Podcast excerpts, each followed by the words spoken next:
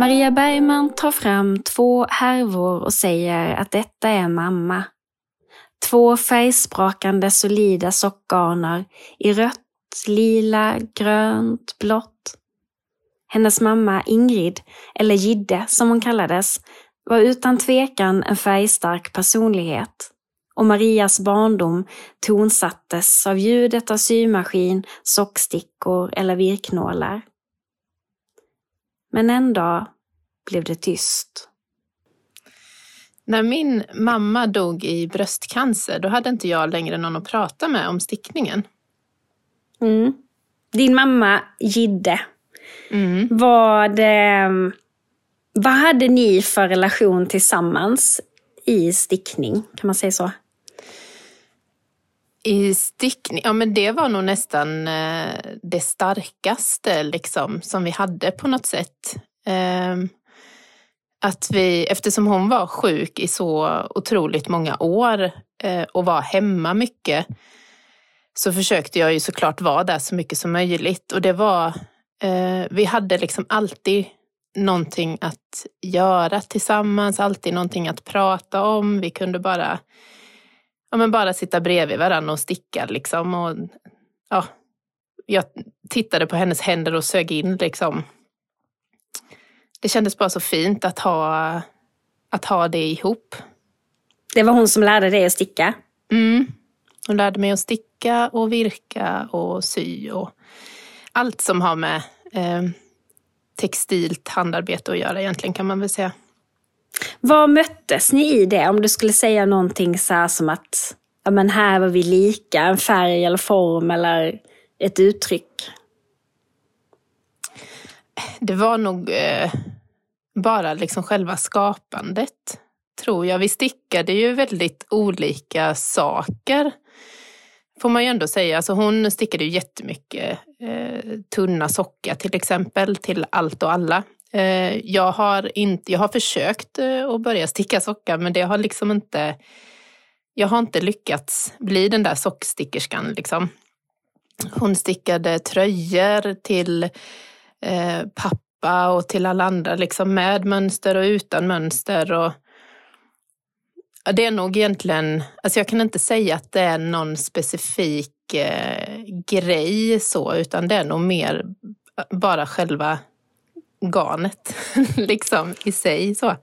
Skulle du känna igen någonting som hon har stickat om du, alltså om du fick se olika bilder? Skulle du kunna liksom plocka ut hennes uttryck ur en större mängd? Ja, det skulle jag nog. Alltså hon var väldigt... Eh, hon gillade ju mycket färger. Hon tyckte ju en period att jag och min syster bara var... Hon undrade liksom om vi skulle gå på begravning varje dag för vi hade svart, vilket vi tyckte var jättesnyggt och väldigt smidigt och sådär passade till allting. Eh, men hon var ju mer... Hon gillade liksom rött och blått och lila och de här... Eh, ja, men jag, jag ser verkligen henne, jag kan se henne i garnhärvor. Liksom. Mm. Det, här är, det här är mamma i en härva. Om din mamma skulle vara en indie dyer, vem skulle Mm. hon vara då? Och hon skulle, hon skulle inte göra så mycket spräcklig. Alltså så här, eh, inga liksom dots och spräcklor och så tror jag inte. Utan det hade nog mer varit eh, om en större flotteringar och liksom ja, tre, tre, fyra färger på en härva liksom. Eh, och så fina övergångar och sådär. Säkert gärna sock, eh, sockgarn eftersom det var det hon stickade mycket. Så fick hon bröstcancer. Mm. Ja. Vilket år var det som hon gick bort? Hon gick bort 2018 Mm. på ja, vintern kan man säga, i november. Där. Hur går man vidare från en sån sak? Ja, man har ju inte så mycket val. Eh, egentligen. Man, man måste ju, det känns ju. Eh, det konstiga är ju att det känns ju som att hela ens egna värld stannar. Eh, allt, allt man känner till och allt man liksom ja, men har vetat stannar upp. Men eh, livet måste ju gå vidare också. Och hon var väldigt, eh, väldigt liksom eh, sådär, men man måste, tänk inte, försök att inte tänka på det som är, som är tråkigt. Det är så himla trist. Då blir man bara ledsen och sådär. Och, eh, det är mycket bättre. Försök att tänka på det som är, som är kul och gör dig glad. Liksom sådär. Så det var väl lite grann hennes mantra eh, och det hon eh, men lärde mig och det jag har försökt att, att ta med mig eh, utefter allt, allt detta liksom som, som jag har fått vara med om så har jag ju lärt mig att, ja, men att försöka fokusera på det som, det som jag kan förändra och det som, eh, det som gör mig glad. Liksom. Och det som du kan förändra och det som gör dig glad tänker jag är den anledningen också, eller en av anledningarna till att du startar den här podden. Ja. Hur, lång tid, hur lång tid tar det alltså, till att du startar den? Åh. Det tog ju inte riktigt ett år. Jag vet att ganska snart efter när, när mamma hade dött så kände jag liksom att ja, men, saknaden efter henne var ju självklart enorm. Men om jag skulle liksom peka på något specifikt så var det ju just det här äh, ja, men att prata om garn eller att prata om projekt eller att ringa någon, någon att ringa liksom när jag ser ett, ett fint mönster eller när jag har gjort något som jag är jättenöjd med. Liksom. Och eh, den längtan och saknaden växte ju eh, ganska, ganska snabbt. Och till slut så kände jag liksom att, att eh, men jag får ju försöka göra någonting åt det helt enkelt. Och om jag inte har någon då i närheten som, som är lika intresserad eh, som jag är så visste jag ju att förhoppningsvis så finns det ju folk ute liksom i Stick-Sverige som eh, som är intresserade och som tycker att det är kul och intressant och sådär. Så då spelade jag in ett provavsnitt egentligen bara för att känna efter. Eh, och det kanske var, ja kan det ha varit, lite drygt ett halvår. Ja, nästan åtta månader eller någonting sånt där tror jag att det var. Och då, kände, då var det någonstans sådär en, en, ja, en brytpunkt eller så att men antingen så får jag ju göra det här eller så får jag ju liksom, jag måste göra, jag, på något sätt så måste jag göra någonting. Jag måste prata om, om min stickning och eh, garn och sådär.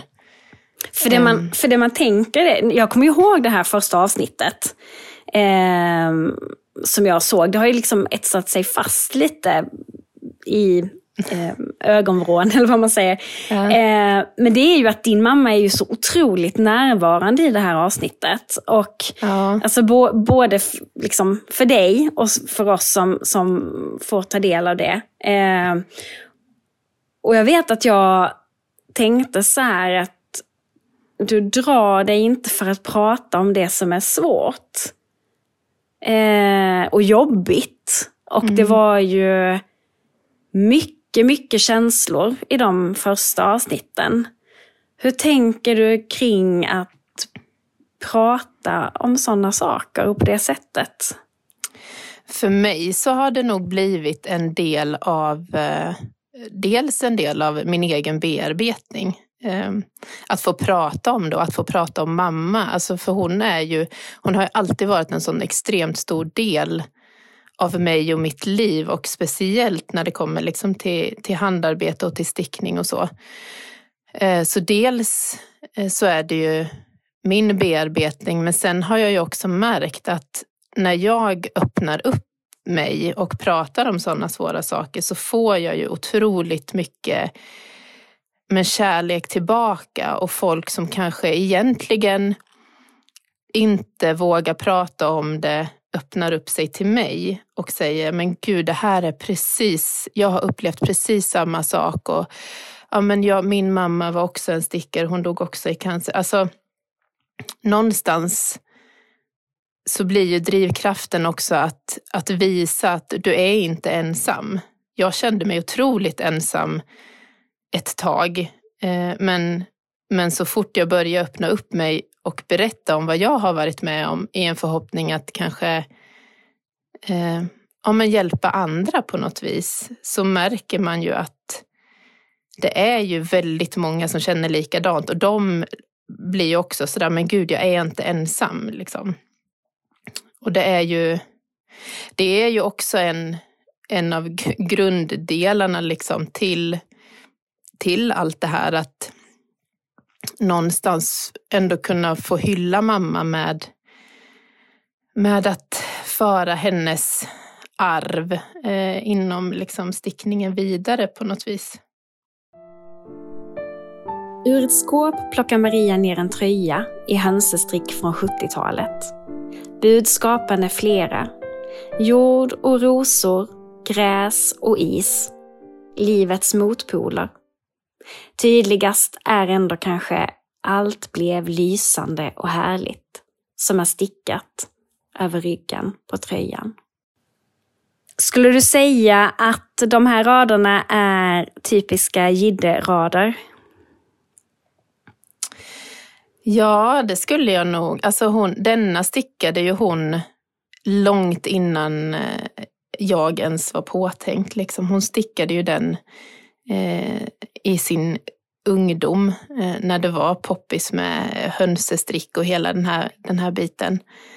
Men det är ju ändå någonstans, hon var väldigt, väldigt duktig på att eh, ja, skriva in budskap och årtal och sådär i sina stickade, stickade grejer. Jag vet hon har stickat en tröja till pappa. Jag vet inte om det är när han om det var att han fyllde år eller något sånt där. Men då har hon ju stickat in liksom året han föddes och året de gifte sig eller något sånt där. Och sen så han, hans initialer och så. Så att hon var ju fantastisk på det och just det här, alltså redan då att ändå, ja men att liksom hitta det positiva liksom.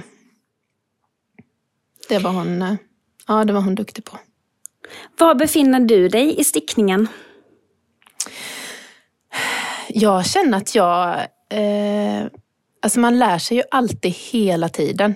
Massa grejer jämt och ständigt. Och eh, just nu så är jag ju på en plats att jag är ju så himla sugen på att eh, eh göra egna mönster. Och eh, ja, men, eh, försöka lära mig att tänka utanför eh, ja, men tänka lite själv. Liksom. Eh, jag har nog varit ganska, inte fast vid mönster så vill jag inte säga. För att är det så att jag, jag, vill ändå, jag har ändå velat ha ett mönster som grund. Så kan man väl säga. Och sen har jag kunnat eh, ja, men ändra lite utifrån det mönstret. Att ta in eller göra någonting lite längre eller att inte ta in vid ärmar, eh, på ärmarna för att jag vill ha ett annat stuk på det eller så. Men nu är jag sugen på att, på att skapa från grunden själv. Så det, ja, men det är spännande. Det hade spännande. hon gillat. Uh, ja. ja, vad hade hon sagt? Och hon hade blivit jättestolt. Um, ja, jag hör hennes röst. Hon hade liksom... Ja, min lilla flicka. Hon hade blivit jätte, jätteglad. Hon var väldigt... Alltså, alltid så... Um, vad säger man? omhändertagande, liksom, även fast vi inte har bott i närheten av varandra. Det har ju varit liksom 50-60 mil emellan många, många år, så var hon alltid så närvarande och eh, omtänksam. Liksom. Och alltid visade att hon tyckte att mina upptåg gällande stickning och med insamlingar till Cancerfonden och sådär. Att hon alltid, ja hon var så stolt och det kändes verkligen. Vad stickar du på nu? Men just nu så stickar jag faktiskt på några egna mönster. Mm. Så det hoppas jag kan komma snart som är också de en hyllning till, till mamma. Hon får vara med där. Vad har du för markör i ditt eh, pågående projekt? Där har jag en markör som det står Lennartsfors på. Var ligger denna plats? Det är en fantastisk liten plats i eh, Värmland, de värmländska skogarna. Där eh, ett ställe som eh, min mamma älskade, som hennes släkt kommer ifrån. Har du varit där? Mm, vi har en sommarstuga där, så vi är där mm. varje år eh, fantastiskt det här med eh, lugnet. På något vis så känner man hela, att hela själen blir lugn. När jag kommer dit så är det liksom, ja, det, det händer något inuti. Värmland är ju också ett fantastiskt eh, ställe. Det är ett sånt där ställe där eh, varje sommar när vi är där så går vi alltid ut och, och plockar svamp. Eh, och mamma har alltid sagt att jag har eh, haft speciella svampögon. Jag hittar alltid svamp eh, när till exempel min stora syra inte hittar svamp. Eh, och det, det är också en sån där grej som vi, vi har gjort väldigt mycket tillsammans. Alltid gått ut och, och plockat kantareller i Värmland och så. Eh, hon var även ehm, med när jag hade en, en liten karriär som eh, orienterare i min ungdom. Men eh, jag blev aldrig eh, speciellt bra just på grund av de här svampögonen. För att jag hittade liksom alltid jag, alltså jag var inte jättelångsam på att springa. Jag sprang hyfsat snabbt men jag hittade alltid andra grejer som var intressantare än att komma först i mål. Så jag hittade liksom, jag hittade kantareller och jag hittade någon liten bäck och jag hittade blommor. Och hon har alltid, jag har alltid blivit kallad eh, min lilla blomsterflicka av mamma för jag var alltid den som kom hem med, med de första små tussilagorna eller händerna fulla av vitsipper eller liksom sådär. Jag vet inte, av någon, av någon anledning så har mina ögon alltid dragits till små detaljer på marken. Liksom. Eller små detaljer, alltså det här, det här lilla som man egentligen inte ser. Um, om man inte, om man inte liksom börjar försöka se det. Kan du se att det återspeglas i det du skapar? Alltså utifrån egna mönster eller andras? Jo, men det tror jag. Eh, jag, jag är väldigt förtjust i just en, alltså, enkla, enkla saker men som ser, som ser svårare ut än vad de är. Och det är väl också lite grann, alltså naturen kan ju med väldigt enkla medel skapa otroliga liksom, ja men istappar eller eh, ja men som nu snökristaller liksom. De ser ju fantastiskt svåra ut men för naturen är det ju jättelätt. När det kommer till stickningen så, så kan väl jag tycka att jag stickar ju gärna saker som är enkla att sticka, som flyter på, som inte är liksom extremt mycket tankeverksamhet, men som, alltså som har något det lilla extra som, se, som gör att det ser väldigt bearbetat ut eller väldigt, eh, ja men det ser svårare ut än vad det är. Det är väl också lite grann det budskapet som jag vill, vill förmedla vidare till andra, att bara för att det är enkelt så behöver det inte vara det behöver inte vara tråkigt, det behöver inte vara en rak halsduk. Det kan vara tröjor som ser väldigt, väldigt eh, svåra ut, men som är enkla för att de är byggda på ett lätt sätt. Och vad skulle Gidde säga om det? Åh, hon... Ja, hon hade bara tyckt att ja, men det är ju, det är ju klart det är så. Det är, hon hade gett mig stora stora tummen upp. Om något som inte är något, men som blir något. Det pratar vi också om. Att skapa mönster för det som först verkar svårt istället blir enklare. Som att prata om livet. Producent för innehåll och intervju med Maria Bergman är Anna Strömberg Pamp Sofie Langvad har klippt och redigerat podden.